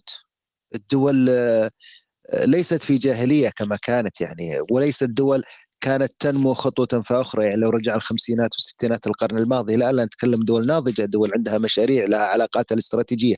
عشان كذا أبو راشد أنا وأنا أعتذر على طلع دائما أقول المملكة العربية السعودية نجحت في تنوع الشراكات. الشريك الاستراتيجي الأمني وسيبقى شريك استراتيجي أمني شوف لاحظ الكلمة هذه سيبقى رغم الخلافات الموجودة البسيطة هي الولايات المتحدة الأمريكية.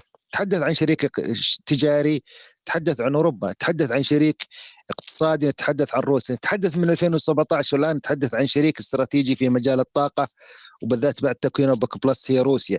يعني نتحدث عن أربع شركات استراتيجية متواجدة لدول المنطقة وبالأخص المملكة العربية السعودية. يعني الشركات الاستراتيجية هذه هي تعتبر تنافس بين الشركاء الاستراتيجيين مع دول آه، بين بعضها لدول المنطقة. الصين ترغب في الحزام والطريق أن يمر في المنطقة. تفضل أبو راشد تفضل. ابو سعود يعني أنا في سؤال واستفسار.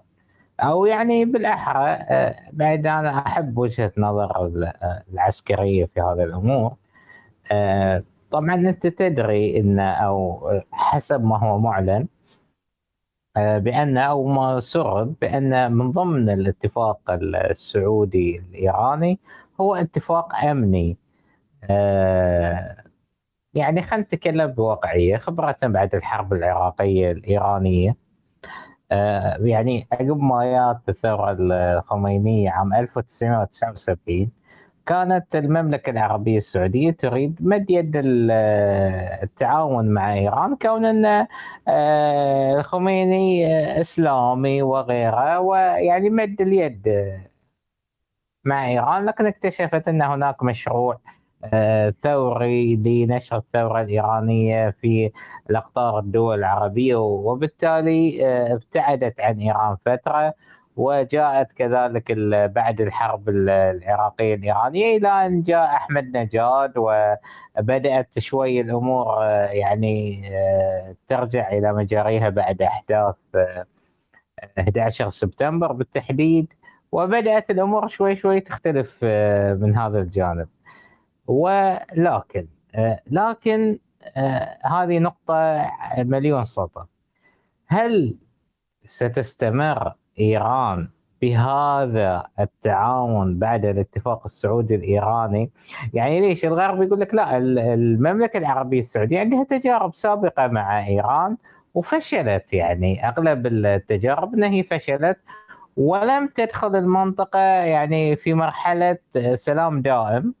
بالعكس هي مرحلة توقف ومن ثم يعني مثل ما يقولون ستعود الأمور إلى سابق عهدها. وهذا الشيء اللي مخلي المملكة العربية السعودية آه، بأن لا يعني يعني بأن لا تقوم بأي تحركات آه، ضد الولايات المتحدة الأمريكية سواء بتخفيف آه، الصفقات التجارية مع أمريكا أو من خلال بعض الأمور اللي أعلن فيها أخوي أبو سعود.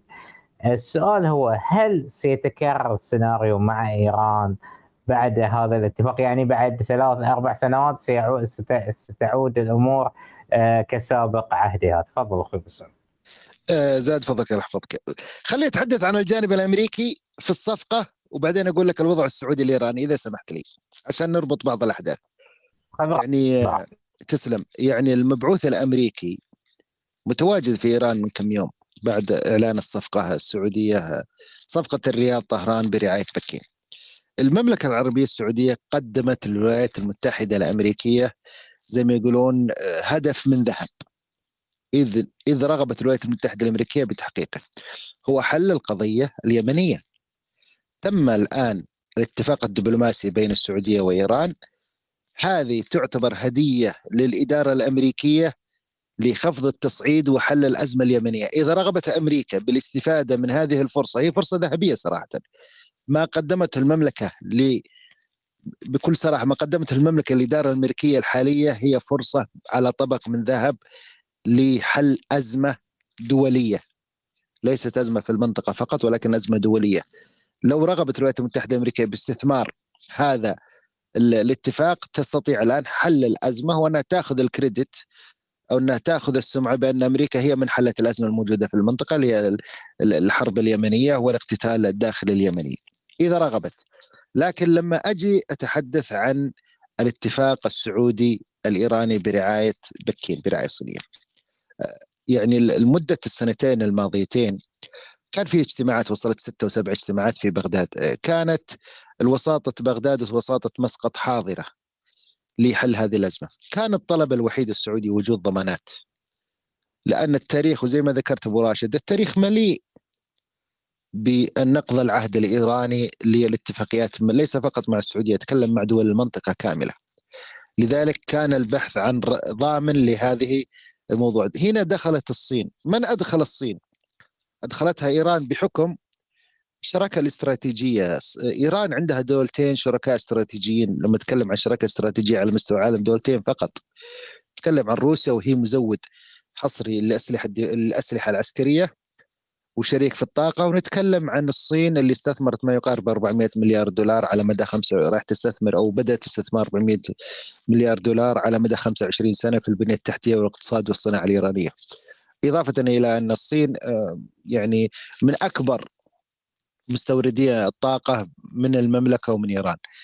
دخول آه، الصين كضامن هو شيء جيد لسببين، السبب الأول إنه آه، الصين ترغب بلعب دور أكبر ليس في العالم فقط بل بالأخص في منطقه المياه الدافئة لأن خط التجارة أو مبادرة الحزام والطريق الصينية تمر في هذه المنطقة. لذلك الصين ترغب بأن تستقر هذه المنطقة. الشيء الثاني الصين من أكبر المستثمرين الاقتصاديين في الداخل الإيراني.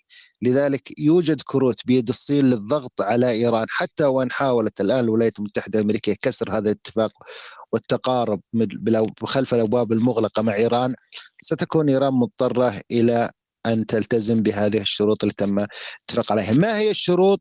حقيقة لا نعلم. لأنها وصفت بالسرية العالية. يعني أنا تتبعت أيامها الصحف زي جلوبال تشاينا وغيرها الصحف فعلا الصينية. لا يوجد أي أخبار حتى استنتاجات ما وضعوا. آه الشروط أبو سعود. الشروط أنا ما شفتها. أنا عشان لا سربت الله يسلمك.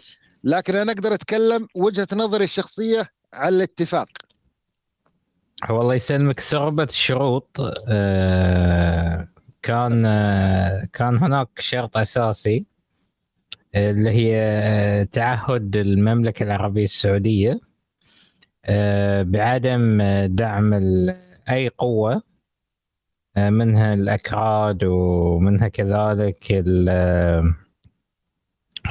أو أو الهجوم الإعلامي اللي هي إيران انترناشونال وكذلك من ضمن أو كذلك ايران أن بعد لا تدعم أي قوة إقليمية آه، تهدد أو تمس آه، المملكة العربية السعودية. آه، الشروط ما تحدثت عن الوضع كذلك الوضع السياسي. افتقدت الشروط إلى الوضع السياسي في اليمن لكن أكدت على الوضع الأمني. في المملكة العربية السعودية وعدم دعم الكيانات الإرهابية يعني الكيانات المصنفة لدى إيران بأنها إرهابية عدم دعمها. وكذلك الجانب الآخر المملكة العربية السعودية لا تدعم أي كيان إرهابي صنفته إيران آه هذه نقطة. وف فالآن الوضع إيران انترناشونال تقريبا فقدت التمويل آه، السعودي مؤقتا حسب اللي وصلني. لكن آه، ويوجد هناك من جانب آخر تمويل أمريكي لهذه القناة. آه، تم إيضاح الأمر إلى إيران بأن المملكة العربية السعودية لن تتدخل في هذه القناة و اي دعم بيكون هو عن طريق أمريكا. ف يعني طلعت السعودية من هذا الملف. كذلك آه، تعهدات بعدم التدخل في الشؤون الداخلية هذه منشورة حسب ما هو مطروح. هذه التعهدات اللي تم تسريبها لوسائل الإعلام بشكل كامل. طيب آه، شوف ابو راشد في نقطة أنا أتحدث عن مصادر رسميه الآن. وزير الخارجية السعودي ذكر بأن من أهم النقاط من أحد تغريداته احترام سيادة الدول وعدم التدخل في الشؤون الداخلية دول المنطقة. الشرط هذا لو جينا نفصله معناته ايقافها الدعم الحوثيين في اليمن ايقافها الدعم الحزب الله في لبنان ايقافها لدعم الميليشيات في سوريا وايقافها لدعم الميليشيات الموجودة في العراق. هذا الشرط الوحيد. هذا لو نفذ انتهت مشاكل المنطقة. يعني الشرط هذا بدون أي تسريبات لو نفذ هذا الشرط انتهت مشاكل المنطقة كاملة. نفذت إيران هذا الشرط. الآن لو شفنا المرحلة هذه مرحلة خفض تصعيد في المنطقة عموما. تكلم خفض التصعيد في اليمن في سوريا في لبنان في العراق في خفض تصعيد كبير جدا. فهذه بادرة جيدة في الفترة الحالية. إحنا المدة شهرين من 10 مارس لإعادة العلاقات الدبلوماسية ثم بعد ذلك يلتقون وزراء الخارجية في بكين. لإكمال جميع دعوه عاهل السعودي إلى الرئيس الإيراني. دعوته هذه شوف هذه بادرة آه، ممتازة إلى بعد الحدود بأن وقالها سمو ولي العهد سابقا يعني من سنة ونص. إحنا نمد يد السلام. يعني المملكة لا ترغب في قلاقل في المنطقة. هي الموضوع ما هو موضوع قوة وضعف. الموضوع موضوع أنا لا أرغب في قلاقل في هذه المنطقة. أرغب باستتباب استتباب الأمن. أرغب في الرخاء. والازدهار لدول المنطقة. هي هنا الفرق. يعني على قولتهم إحنا ما إحنا بقليلين شر لو صارت ساعتها. ولكن إحنا ما نبغى إن المنطقة تدفع القلاقل. لو رغبت المملكة العربية السعودية إن المنطقة ترغب لانحدار القلاقل كان سكتت ولا سوت اتفاقية مع الإيرانيين وخلت الإسرائيليين يحشدون تحالف ويضربون إيران. ولكن المملكة هدفها حتى الاتفاق هذا ترى قطع الخط على حكومة نتنياهو المتطرفة. قطع الخط قطعه قويه يعني أفشل الحكومة الصهيونية الموجودة في الأراضي الفلسطينية المحتلة. شفت الاتفاق هذا يعني الاتفاق هذا ضرب أكثر من عصفور بحجر ضرب الإيرانيين بأنهم يجب أن يلتزموا أقام علاقات حسنة وقوية إضافة للعلاقات القوية مع الصين.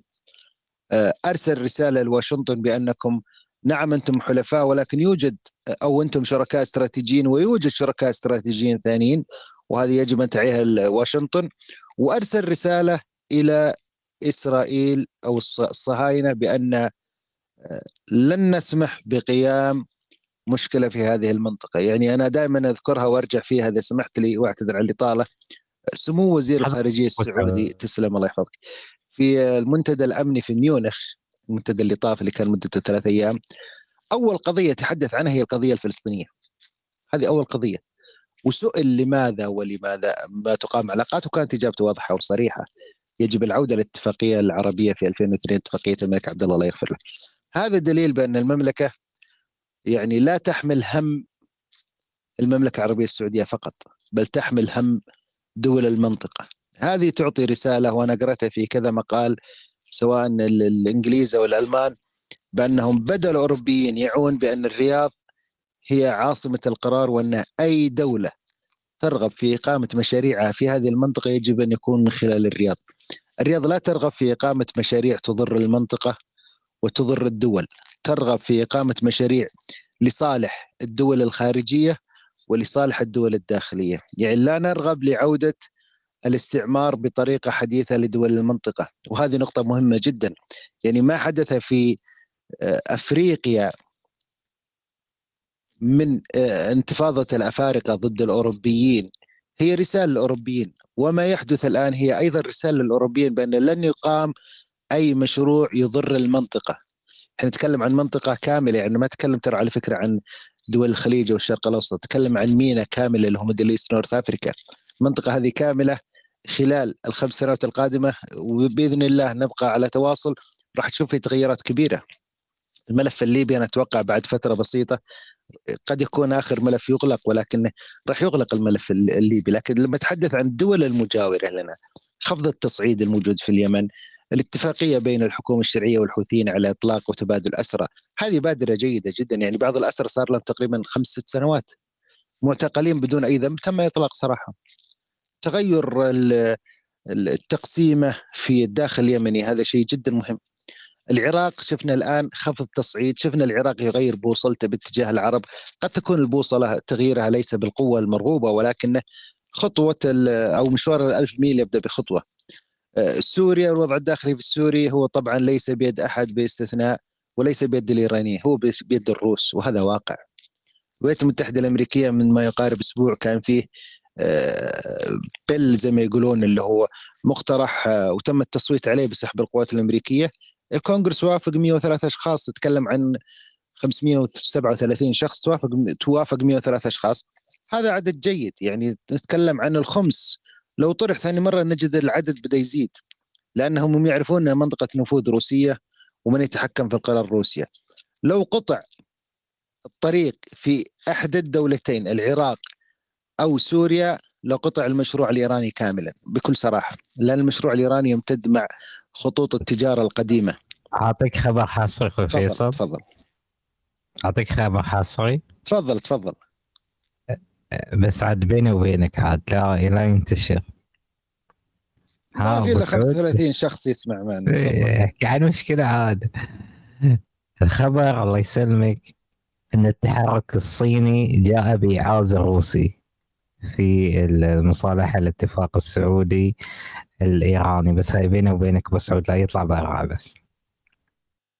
والله آه، أبو راشد آه، قد تلعب روسيا دور لكن آه، الدور الروسي في أنا قضيه هذه المعلومة 100% يعني؟ 100% ما أدري أنا أنا ما عندي خبر لكن أنا أنا أقول أنا شاهد إن الدور الصيني فاعل أكثر من الدور الدور الروسي جدا في هذا لأن الله يسلمك أنت تدري حساسية شوي الروس مع الأمريكان في هذه العملية يعني لو جاء علم أو جاءت ظهور روسيا في هذه الاتفاق آه، قد تكون ردة الفعل آه، مثل ما يقولون آه، ردة فعل بتكون أو تقييم ردة الفعل بتكون الأمريكية بتكون جدا سيئة ما بتكون نفس اللي الحين نشوفها هذه يعني حسب المعلومات اللي وردت لي. والله بصراحة الروس شوف أنا الأحداث الروسية صار لي سنة ويمكن شهر أو شهرين أتابعها. بشكل يومي لدرجه أني بديت أحفظ أسماء المدن بديت أحفظ كثير من الطرق السريعة اللي عندهم. يعني لدرجة أنا كنت مرة في أحد المساحات أتحدث عن مجموعة من الجسور اللي تم تدميرها كنت أذكر المساحة وعرض الجسر وارتفاعه. فبديت يعني أحفظ المناطق بديت أحفظ التحركات الروسية الأوكرانية بحكم المتابعة والأوروبية الناتو. ال ال والله نبي نبي الأبديت أخوي أبو سعود لأن الحين لاحظ يعني أنا لاحظت الفترة الأخيرة أن قلت اليوم أو مثل ما يقولون الهجمات بدأت تصير محدودة ما بين الجانب الروسي والأوكراني. مو نفس آه، قبل على أيام آه، قبل يمكن قبل ثلاث أسابيع أربع أسابيع. آه، يعني الكثير من المحللين أو الاستراتيجيين المحايدين وأنت منهم يا أبو سعود المحايدين يعني إن إن مثل ما يقولون إن هناك يبدو إن هناك خطوات ل معاهدة أو في هناك خطوات لهدنة سلام في المنطقة والدليل آه، هدوء الجبهات في الفترة الحالية خصوصا ما بين روسيا وأوكرانيا. وكذلك تصريحات آه، الأوكرانية اللي شوي قلت مثل ما يقولون قلت صيغة التحدي مع روسيا. إيش رأيك يا أبو سعود؟ حسب مراقبتك للساحة العسكرية ما بين الدولتين. والله شوف أنا أنا مرة في أنا بتكلم بكل صراحة أنا من الناس اللي احب الصراحة وأحب إني أطلع المستمع على على الموجود عقلانيا وليس من باب الخيال. مع إنه في بعض الأحيان أذكر أحد الزملاء قال لي أصبحت روسيا أكثر من روس ولكن عندما نذكر الحقائق بدون عاطفة في بعض الأحيان نذكرها. يا رجل بس ابيك تعطيهم هالمعلومة. لا لا لا الروس الروس لا لازم يعرفون لازم لازم لازم يعرفون الجميع. روسيا هي هي ثاني أقوى جيش في العالم. ثاني أقوى جيش في العالم. بس معلومة يجب أن يعلمها صحيح صحيح صحيح. شوف ابو أبو راشد ولا يهون المستمعين. آه، ماذا يريد الروس في الداخل الأوكراني؟ هنا نقطة لازم نعرفها. يعني كثير تحدثوا أنه يوم وصلوا في المرحلة الأولى شمال كييف وانسحبوا وطردوا. كل التحركات الروسية في الانسحابات الكبيرة كانت تحركات طوعية روسية. ولم يكن هناك أي ضغوط. حتى آخرها يمين نهر آه، دنيبرو يوم انسحبوا في مدينة خيرسون وراحوا يسار النهر في إقليم آه، خيرسون في مدينة خيرسون. ما كان في أي ضغوط. كان في إعادة ترتيب الوحدات العسكرية في المنطقة.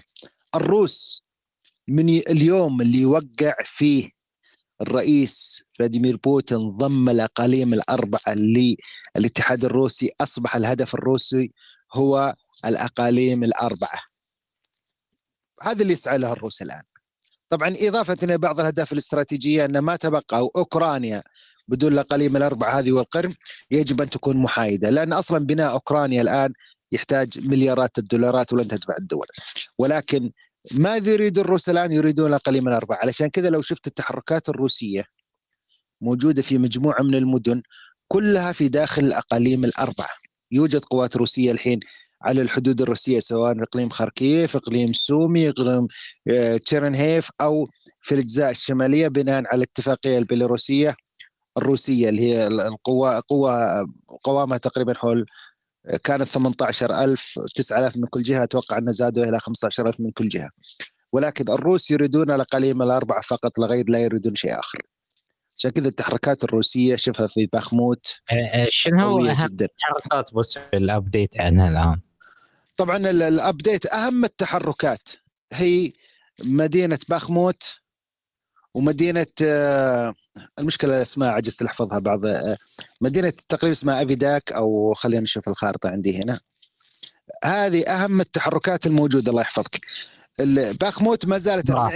تتكلم. صوتي واضح؟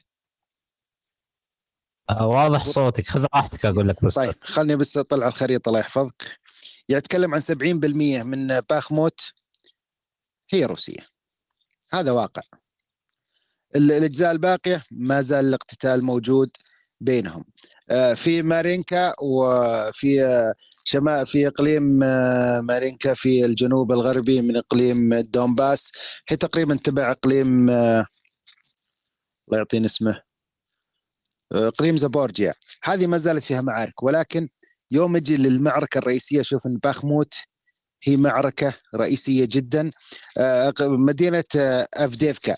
أفديفكا هذه شمال آه، دونتسك. في الشمال الغربي من دونتسك. هذه مهمة جدا لأمرين اعتباريين.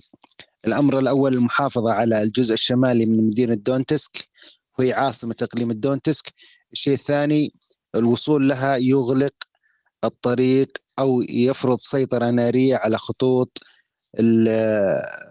الإمداد القادمة من الغرب إلى مدينة باخموت إضافة إلى أنه يغلق المجال في الجنوب الغربي من باخموت. هذه من أهم العمليات، العمليات الثانية اللي صارت اليوم طبعا صارت اليوم في عملية يمكن شفتوها في الأخبار استهداف آه، في شبه جزيرة القرم بطائرات بدون طيار.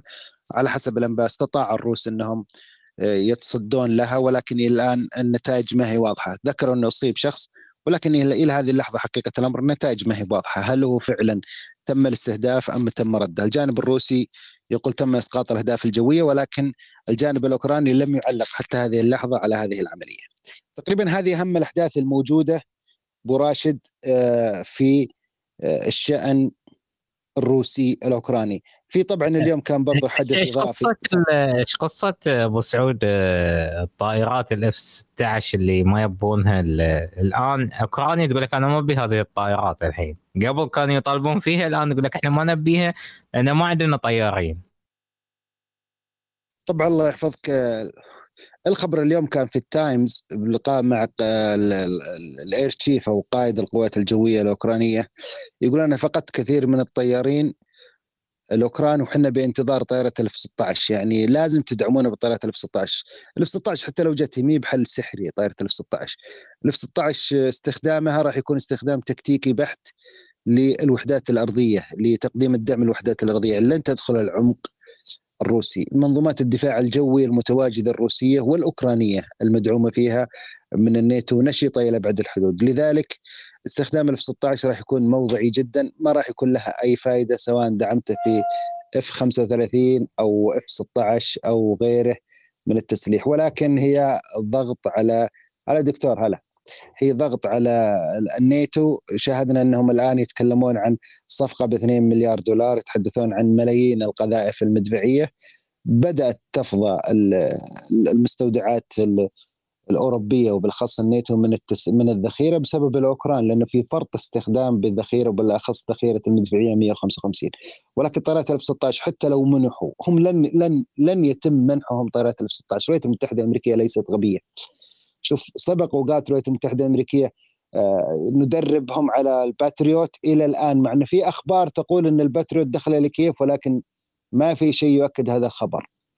آه، سبق وقالت الولايات المتحدة الأمريكية ساقوم بدعمهم بدبابات ال M1 أبرامز إلى هذه اللحظة في تدريب ولكن ما في تسليم. يعني في أنباء تتحدث أن الشركة المصنعة الآن تتم آه، تقوم بتغيير في حالة الدعم. مع إن في موافقة لكن في حالة ارسالها تقوم احتياطا بتغيير منظومات ال- التهديف هو التسديد والتهديف حق الدبابات ونزع آه، شبكة آه، لليورانيوم المعززة للنظام الحماية لبرج الدبابة وجسم الدبابة.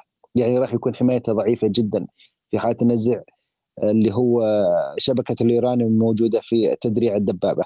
لذلك إلى هذه اللحظة الأمريكان يقولون سنعطي ولم يعطوا شيئا. يعني ألمانيا كانت تتحدث إن لو دعمت أمريكا إحنا بندعم قالوا خلاص إحنا بنعطيهم دبابات بنعطيهم 13 دبابة الظاهر اذا ما خان ما خانت الذاكرة فبدوا يدعمونهم. يعني وصول النرويج تحدث إنه وصلت تقريبا أربع دبابات ليوبارد اي 4 ومنظومات أخرى ولكن إلى هذه اللحظة لم تستخدم في ميدان المعركة لأنه حتى وان تم التدريب على الدبابة يجب أن تنظم القوة يعني لازم تجهز القوة كاملة، لازم تقوم بتمارين ميدانية للوحدة بشكل كامل سواء كانت سريه أو كتيبة أو لواء. يعني ما ينفع إن التدريب فردي لازم في بعده تدريب جماعي وهذا ما ينقص الاوكران الآن إنك تدربه زي كانك تجيب واحد على سياره تقول سق okay تسوق يلا خذ رخصتك روح سق في الشارع روح سافر. يعني يقول له من الرياض ولا أطلع تبوك على الخط. هو ما يعرف يسوق يعرف سواقته بسيطة. لذلك التدريب الميداني التدريب الجماعي للوحدة يستغرق وقت. ولكن اللي يتم حقيقة الآن هي كلها صفقات تسليح. كلها صفقات تسليح. يعني أنا أحس ان إن الموضوع الآن أوكرانيا يعني أحس موضوع شبه منتهي يعني بالنسبة لي. يعني الصين داخلة على الوساطة ذي اليومين خلاص تنهي الموضوع وخلاص كل واحد يروح بيته يعني. هذه أنا أحسها هذه. أبو راشد الله يحفظك فعلا. هي شوف من انسحاب القوات الروسية من خيرسون وبناء خط دفاعي ثابت في تقريبا 80% من الأراضي الاقليه من أربعة وهي حسمت المعركة.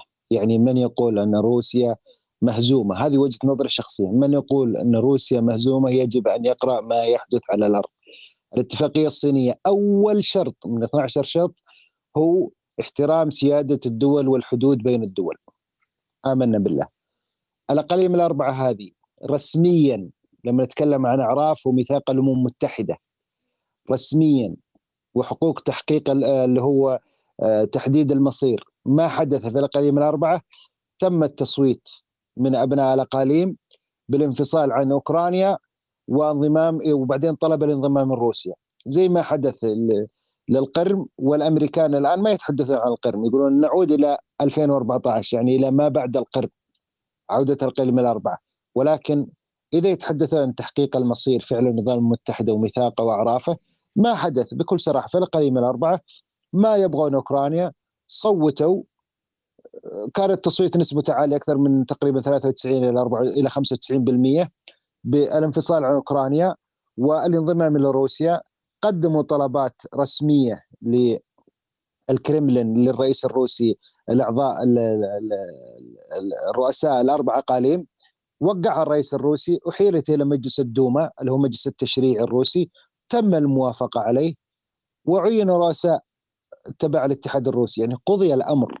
لذلك أول شرط روسي لو نفذ سينفذ على الحدود الموجوده الآن. القوات الروسية التاريخ دائما يقول لا تستغني عن المناطق اللي تسيطر عليها. يعني اتفاقية يالطا 1945 ستعود قريبا في 2023 أو 20 يمكن 24 ستحدث اتفاقية جديدة على توزيع النفوذ بين الروس وبين أمريكا.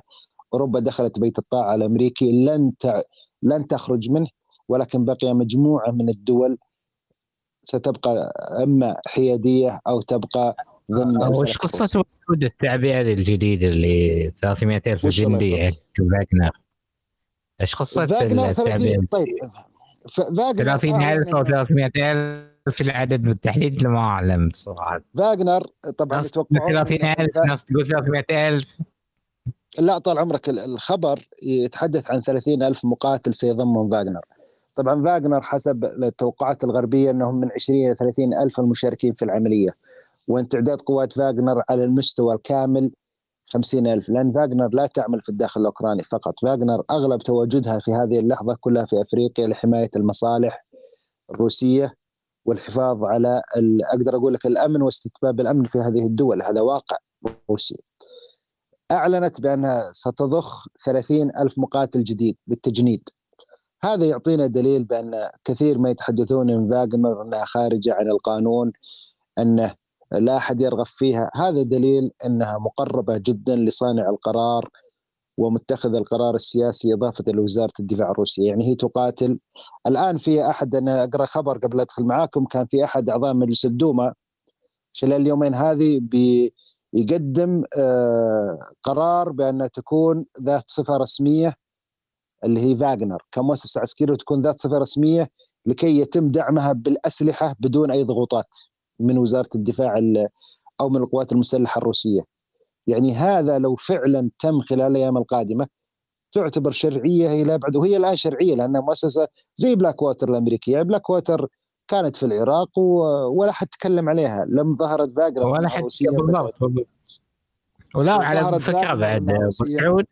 إي نعم وعلى فكرة أبو سعود ترى أمريكا رفضت تصنف فاجنر آه، اللي هي منظمة إرهابية. شوف أمريكا تعي ما, ما تفعل. ولو أن اعمالها شيطانية بكل صراحة يعني. لكن أمريكا تعي ما تفعل. تعي إلى ابعد الحدود ما تفعل. يعني مسألة خلينا نقول الحوثيين. إدارة الرئيس الأمريكي دونالد ترامب في آخر أسبوعين صنف الحوثيين كمنظمة إرهابية.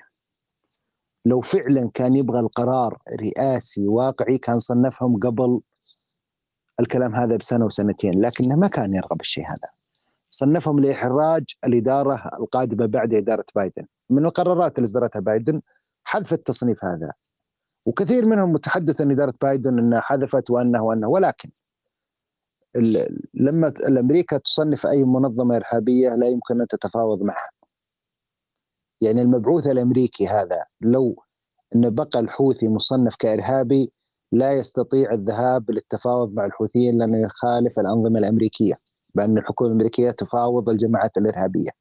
علشان كذا ترامب في آخر أسبوعين صنف الحوثي ارهابي ولا ترامب لو هو فعلا صادق كان صنفها قبل ذلك بسنة وسنتين ولكنه ما كان صادق. يعني ما كان يبغى يحقق الأهداف الأمريكية في المنطقة على حساب دول المنطقة. عشان كذا لو لاحظت في أربع سنوات اللي في عهد ترامب ما كان في علاقات قوية رغم التقارب لكن ما كان في شيء قوي لأن دول المنطقة تعي ما يريده ترامب. وكانت تقول okay we'll سنقوم سنقوم بالفعل لين ما خلصت أربع سنوات وذهب مع التاريخ. وأنا من الناس الحقيقة أتمنى إنه ما يفوز في 2024 أتمنى فعلا إنه ما يفوز.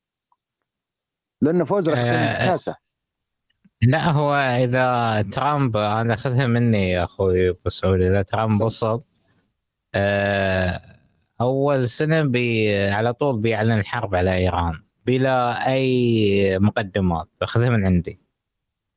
صدقني أبو راشد لو يبغى يعلن الحرب كان اعلنها من إيقاف. لا لا المرة لا هالمرة أبو سعود مو ب يعني مو بعك ذيك المرة لا هالمرة بيعلنها لمقاصد ثانية. شوف ترامب رجل تجارة ما هو رجل سياسة وهذه من أكبر عيوب هذه هذه اللي أنا أقول لك أبو سعود هو يعني بالنسبة له الآن هو يعني يبي في الأخير يبي صفقات يبي أمور ثانية. بالنسبة للحرب على إيران هذه يعني تدري كم بتدخل في أمريكا؟ في جيوب أمريكا؟ عشان كذا المنطقة صدق صدق النفط يرتفع سعره ولكن في الأخير ترى النفط يا يرتفع سعره يدفعها يعني. يدفعها أيه. المواطن الأمريكي. ما تدفع الحكومة الأمريكية ارتفاع سعر النفط يدفعها المواطن اللي بالشارع ولكن إذا استمر الاتفاق السعودي الايراني اتفاق الدبلوماسي وعادت العلاقات كما يجب آه، وجاء ترامب إلا في حالة خراب هذا الاتفاق ولا لو هجم على إيران لن تقوم دول المنطقة وبالأخص اتحدث عن المغرب السعودية بالمشاركة في هذا الهجوم، دول المنطقة ستنهى بنفسها. هذه أساس هذه أساس الاتفاق اللي صار ان أن المملكة العربية السعودية ودول الخليج ما تشارك في أي أعمال عدائية على آه، إيران. تراها ما آه، شاركت دول دول المنطقة الله يحفظك لما نرجع اتفاق النووي دول المنطقة ما شاركت في أي عملية ضد الإيرانيين، دول المنطقة بالعكس تسعى استتباب المنطقة. الاتفاق هذا كثير يتوقع أنه لصالح دول المنطقة. الاتفاق هذا يصب مهما كانت شروطه قاسية يصب لصالح الإيرانيين لأن إيران وصلت إلى منطقة خطيرة جدا إلى بعد الحدود على نظامها.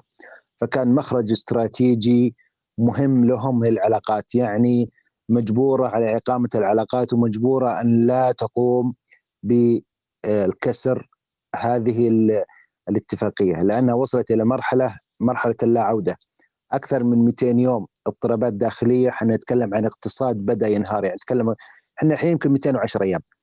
يعني ال 200 يوم هذه هذه خسارة اقتصادية كبيرة في الداخل الإيراني. نتكلم عن المشاكل الشعب الإيراني. نتكلم عن اللي ما كان يقدر يتكلم في الداخل الإيراني صار يتكلم. اللي صار يتكلم صار يفعل ضد الحكومة.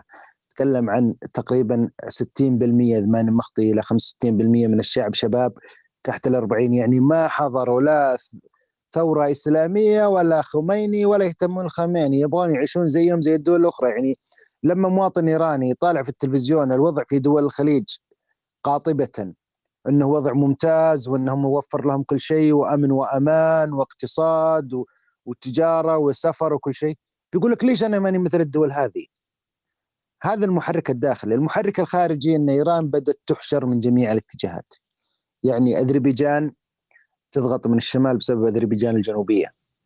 آه، رساله آه، السفير الأذربيجاني إذا ما مختوى السفير وزير الخارجية لا السفير الأذربيجاني في إسرائيل بأن أذربيجان لن تسمح للموساد الإسرائيلي بالهجوم أو انطلاق هجومه على الإيرانيين من داخل أذربيجان، هذه رسالة واضحة وصريحة ليس فقط لإسرائيل بإيقاف الهجوم إذا كان في هجوم رغم أن أكبر مشتري سلاح من إسرائيل هي أذربيجان ولكنها هي رسالة لإيران بأنه ما دام الاتفاق مع المملكة ساري المفعول لن يأتي من جهة أي ضرر للإيرانيين.